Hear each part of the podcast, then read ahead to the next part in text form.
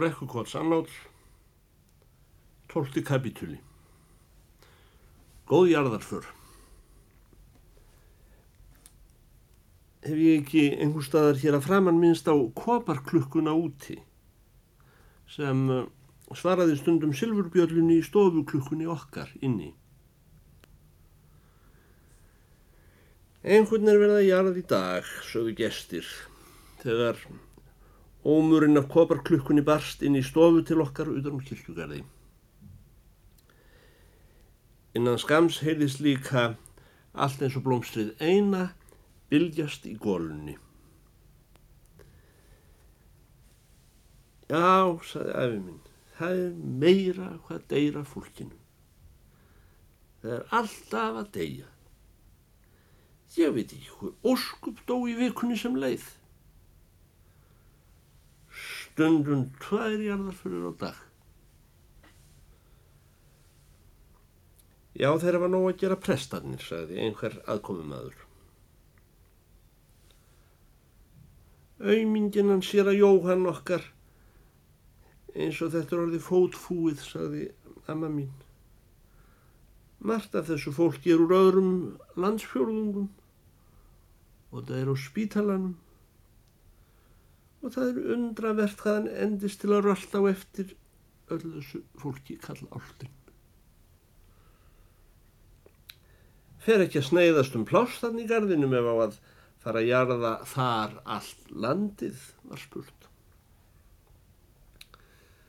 Já, ég hef nú lítið á stað fyrir okkur gamlu skörinn og ég vona að við fáum að halda honum, sagði afi minn. Mikið fannst mér alltaf þægilegt og viðkunnanlegt þegar ég var drengur að heyra þau afa minn og ömmu tala um dauðan við fólk og sjá hægfara líkfyldir líða innum kirkjugarslið og fara að syngja. Og það styndi á svörtu silkihempuna domkirkjupressins í sólskinninu svo hún síndist næstum blá og svörtu hestarnir sem dró líkvagnin síndust líka næstum því grænir á lendina.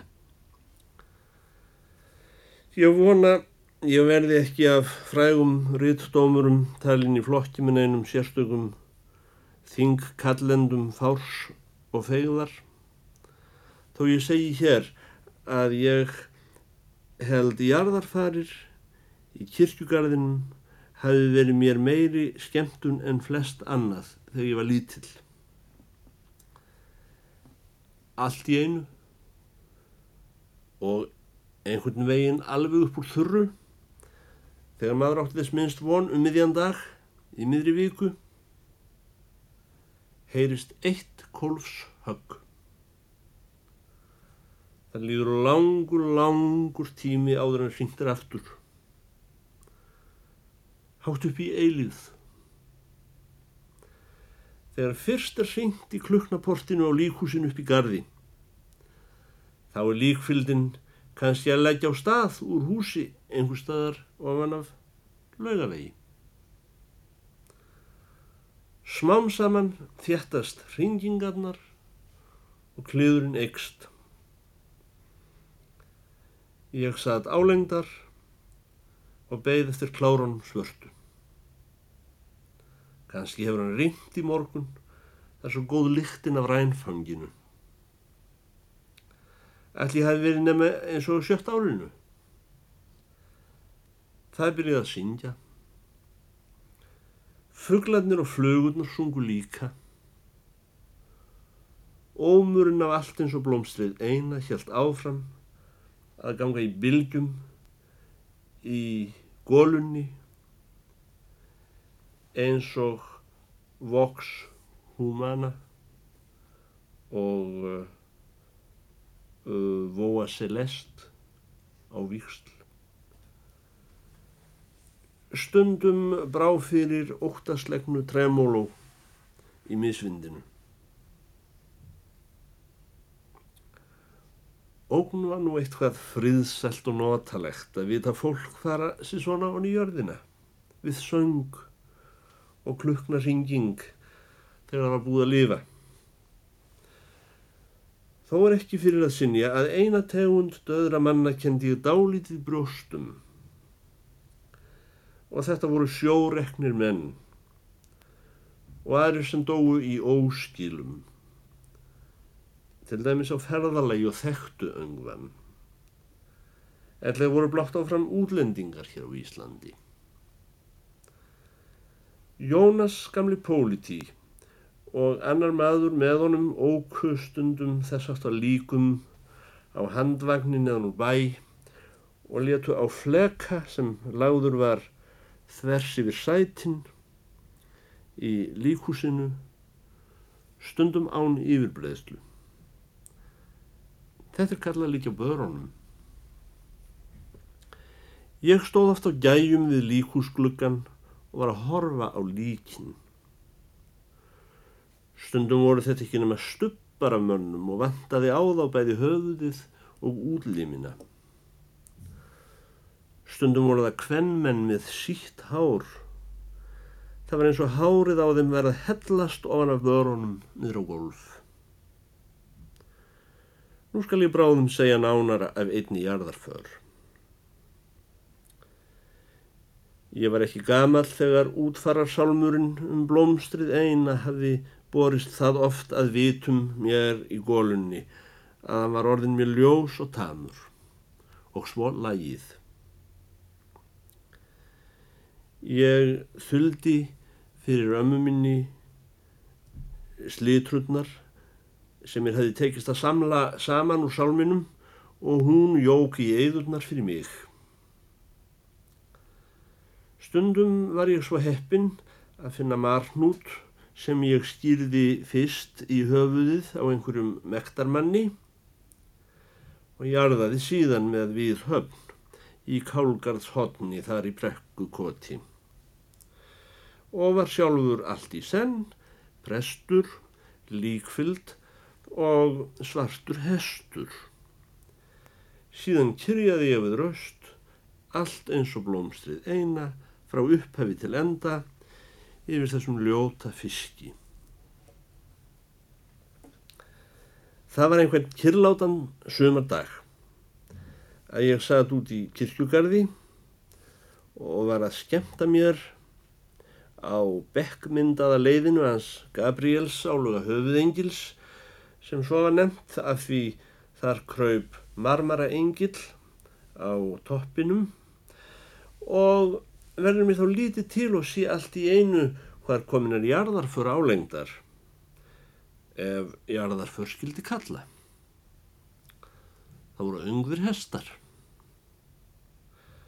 Það voru ekki heldun einn söngmenn. Fjórir menn báru stutt að breyða líkkistu út úr líkúsinu. Ég held áriðanlega að þeir hafi verið að jarða stupp. Þeir sem kistuna báru voru kallarnir tveir sem oft voru að dudra eitthvað þannig í gardinu fyrir bæjarstjórnina. Þriði var sá haldi sem jafnum stjórnaði líkhestunum og fjórði hann Jónas heitin Politi með gildun happana á treyjunu sinni. Í humátt og eftir kom svo sjálf líkfyldin sem saman stóð af honum séra Jóhanni gamla, domkirkjupresti, í hempunni sinni og honum eyvindi kallinum hérna snikkara sem bjóð til líkisunnar og þar með upptalið. Fjaskalega var blærin heilnæmur í kirkjugarðinum þennan dag en það lág vel á köllunum. Og þarna komu þeir auga á lítinn snáða álengdar. Það var ekki nema rétt svo að kollin á honum e, bæri yfir leiðin. Hann er með alvöru svip að virða fyrir sér ferðarlag þeirra komdu hérna stúfur litli að skrafa við okkur segir þá sér að Jóhann okkur vantar þriðja mannin Ég trillaði til þeirra út á jarðarfara stíin og fór að hilsa þeim með handabandi og þeir taka mig á milli sín sér að Jóhann og Eyvindur snikkari og leiða mig á eftir líkistunni sem þriðja mann í jarðarförinni. Allt er þá þrendir. Ég hef séð við hérna í garðinum þegar við höfum verið að embætta stúfurlittli. Ætlu sérst ekki bröðbíturinn hans bjössi brekkukoti og skildi ég ekki hafa skýrt þig einhvern tíma, saði sér að Jóhann. Ekki mægin okkur skýrði mig, saði ég, en ég heiti Álfgrímur. er maður í kistunni? Svo það heita stúður minn, saði sér að Jóhann. Aftur á móti vitum við ekki með vissu hver hefur skýrst hann eða hvort hann heitir nokkur skapaðan hlut. Alltaf skýri ég margt hnútana áður en ég jarða þá, sagði ég. Já, sagði sér að Jóhann. Við jörðum hann ekki af því við vitum hver hann er. Heldur af því við vitum að Guði þykir jafnvæntum alla menn honum þykir álíka vend um mig og þig og um hann eyfinn hérna snikkara sem heldur í hinahöndin á þér. Eins og honum þykir um mannin sem liggur þarna í kistunni. Er það kannski maðurinn sem lág um daginn hérna í líkúsinu og það var farið á honum andlitið, saði ég. Já. Það er verkurinn, sagði sér að Jóhann. Það vantar sumsi á hann andlitið og þess vegna vitum við ekki hver hann er. Við höldum kannski að það sé einn tiltekinn maður en það getur líka verið annar maður. Við vitum bara eitt. Guðun hefur skapað alla menn, já og frelsarinn frelsaði alla menn jamt. Líkkistunni var rent ofin í gröfina og uh, sér að Jóhann gekk fram á gravarbarmin og tók móðut á spaðansinn sem ég held að hétti spítuskopla og saði orð. Síðan tók hann í höndin á mér og leiti mig fram á gravarbakkan og sagði Nú raulum við, Álfgrímur minn, sálminn sem hann Hallgrímur Pétursson orti eftir hana litlu dóttur sína fyrir alla menn sem lifa og deyja á Íslandi. Sér að Jóhann tókum til að raula með elli móðri röddsinni, stökkri og hljómlausri allt eins og blómstrið, eina uppvegs á sléttri grund. Og ég held í höndin á honum og tók undir sálminn með skærri barnsrödd minni. Og þar með var ég farin að syngja fyrir heiminn. Það var ekki laust við, ég fyndi dálítið til mín að vera tilkvattur að syngja bæði fyrir lifendur og dauða. Jónas Pólití raulaði einnig, svo og eyfindur snikkari. Sá haldi sem átti líkastana var líka að bera sig með að syngja og fugglarnir voru að syngja. Þegar vorum búin að syngja, gengum við burt frá gröfinni. Sér að Jóhann leiti mig enn. Hempan hans var síðari að framann en aftan að því hann var orðin bógin. Þetta var þá þegar öllu er á botni og hold góði jarðar för, sagði sér að Jóhann. Indæl jarðar för.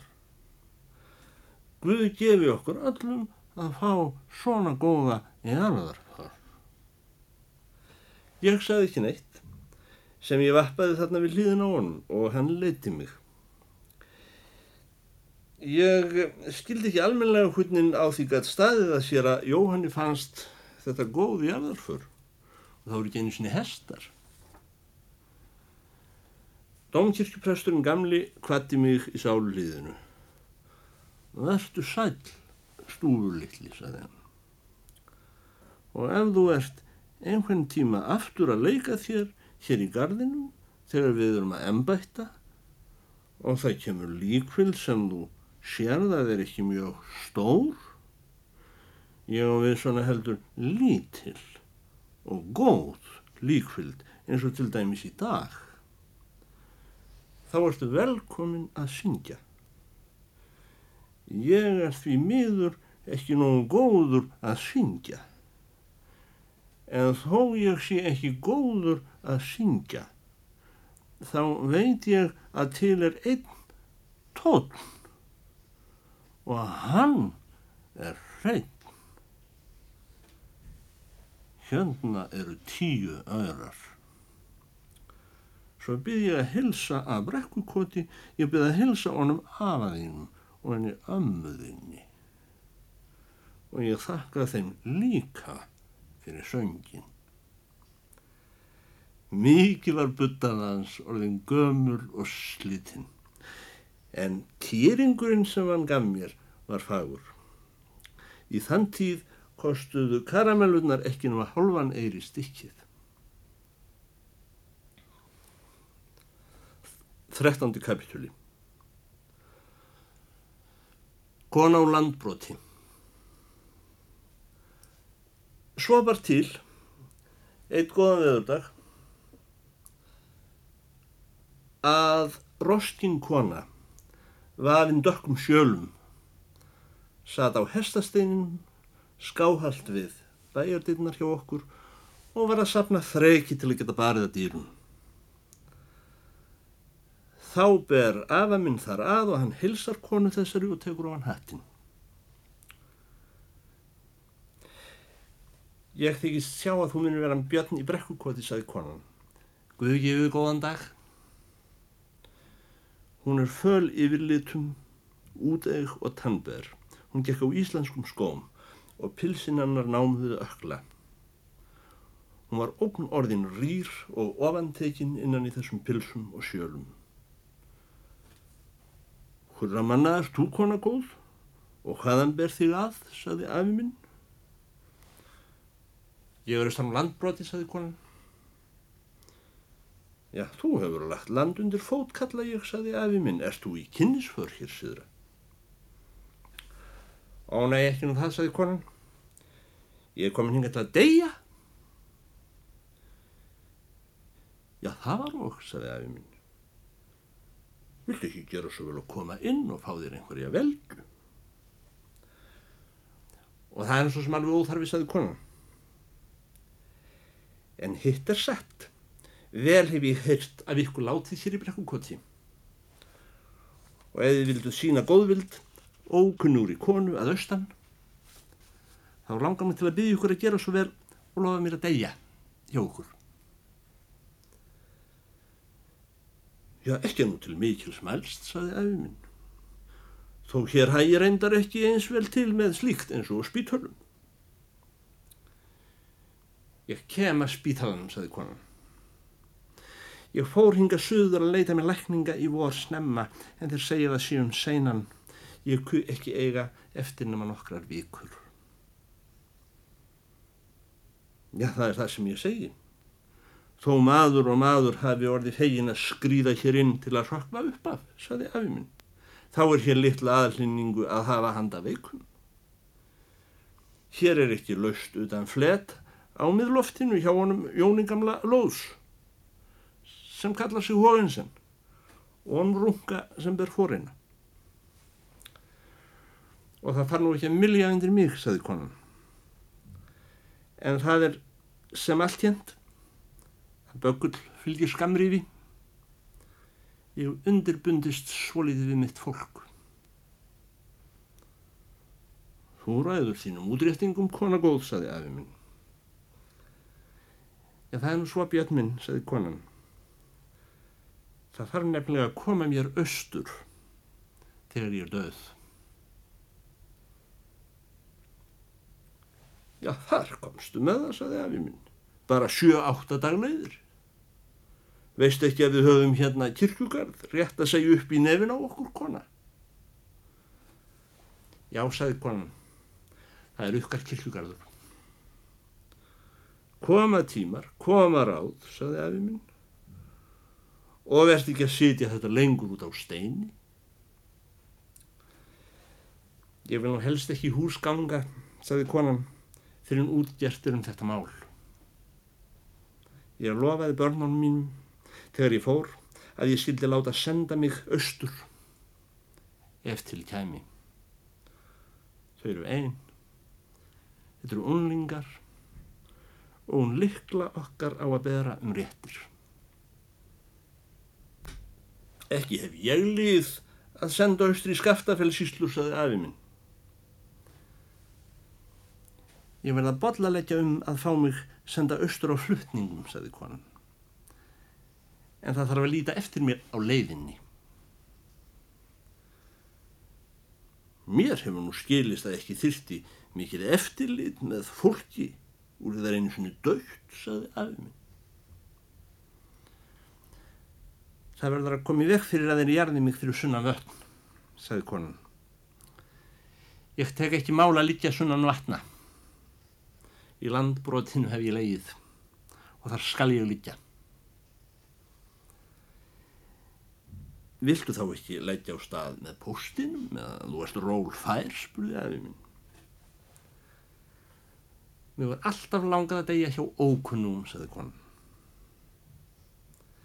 En hvort sem þau þrættu um þetta lengur eða skemur, afi minn og gesturinn þá var svo nýðurstaða að konan gekk til stofu og afi minn hefði við hann að þann formála sem hann var vanur þegar hann bauð gestum, fáði sæti og síndu að þið kæti kona góð. Þetta var að vísu framsýn kona, en ögn köld ákomu og aðeins í meðalagi aðlæðandi. En það var búið um hana orðalöst í komendunni hjá okkur á miðloftinu, þó afi minn tæki hins vegar ekki á sig. Skuldbindingar gagmalt enni döðri. Húður erst þú? saði Kaftin Hóinsen. Ég heiti Þóra Arna og er úr landbroti. Er þú á skemmtitúr hér síðra, spurði Kaftin Hóinsen. Svo má eflaust kalla það, saði konan. Ó, ekki, saði Hóinsen og hummaði sig upp í að bæta við. Já, ég heiti Kaftin Hóinsen af Hógensens ætt, þar vestra á Helgafelli. Ég stóð í tjónustu Danakonung sem inn í tíð og lossaði þá um breyðafjörð. Það er það, kona góð. Það munur ekki um það, sagði konan. Meðal annar orða, hverjir eru hreppstjórar og helstir merkisberar þar í landbroti, sagði Hógensin. Amma mín greip fram í. Þreyttu ekki konuna hófinsinn minn, hún er lasin. Hún ætlar að fá að líka þarna þanga til henni batnar. Og ekki held ég vort henni fólki með að heldur sjón, saði hófinsinn. Og ekki verðt að vera að loka þessari hurðarnefnu milli okkar kona góðfví þó ég kunni að vera orðin hálfu leiðanlegur sjálfur þá koma hér stundum upp á pallin skemmtilegir menn að skrabla með eins og hann Runolfur Jónsson og kvöldin þegar allir eru sopnaðir kemur heimsbeikingurinn okkar sem er kommandör á bæjarstofnunni. Það er það. Og hurjar eru nú helstar jarðir þar í landbroti konagóð. Ætla að sé ekki jörðin mín, saði konan. Akkurat, saði Hóðinsen, á eina jörð en ætli það duði ekki kona góð. Mínir langfeðgar áttu jarðir um allar trissur og hér lík ég. Það er eins og segir í minningar hvæðinu sem hann Sigurður Bleðfjörð ortumann Jóneitin Hákonarsson afa minn. Á helga felli hvar er hann Jón Hákonarsson, æ ertu látin. Ætli það verði ekki dríkst sem að þau tekur hjá sjálfum sér kona má ég Bjóðuður að síniður kaskeitið mitt. Heyrðu hérna drengur góður þú álfgrímun minn, fyndu kaskeitið mitt og síndu konunni og ef það skildi vera fís á derinu þá blástu það burt.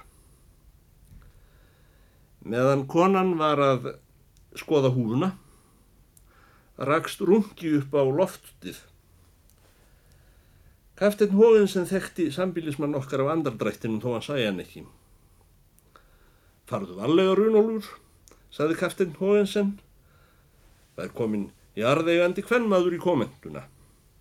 Hún er að ustan. Það væsi líklega ekki miður hérna hjá manninu sem stjórnar herskifónum, saði rungi. Hvaðan eru þér með leifi? Ég er úr landbrotinu, saði konan. Hvaða fiskur hjá þér? spurði Runúlur. Við leifum mikið af keilu, saði konan. Og ögnáttum við að löngu þegar ég fór að heimann. Keila, já, góðan daginn, saði Rungi. Og saður að löngu. Hvað verður á málfiskinum, konan? Málfiskur sést ekki upp sveitum, saði konan. Já, svona fisk eins og þú nefndir berum við á tún hér síðra, sagði Rungi. Meðal annar var það úrhjúur farin að bregðundur því betri fætinum konar góð, þá eftir að fá í listitur fram á nes að skoða hróðar undrin, oddvitans, og ekki skaltu heldur horsmá kraftaverkin í gróttu. Já, því líka hlamfórir maður Guðs og lífandi. Það væri nú eitthvað að láta í sendibref heim til sín kona. Slík stórvirki hef ekki verið unin á jarðríki síðan mógræðinnar miklu voru gerðar í Vasmýrinni hér á Árland.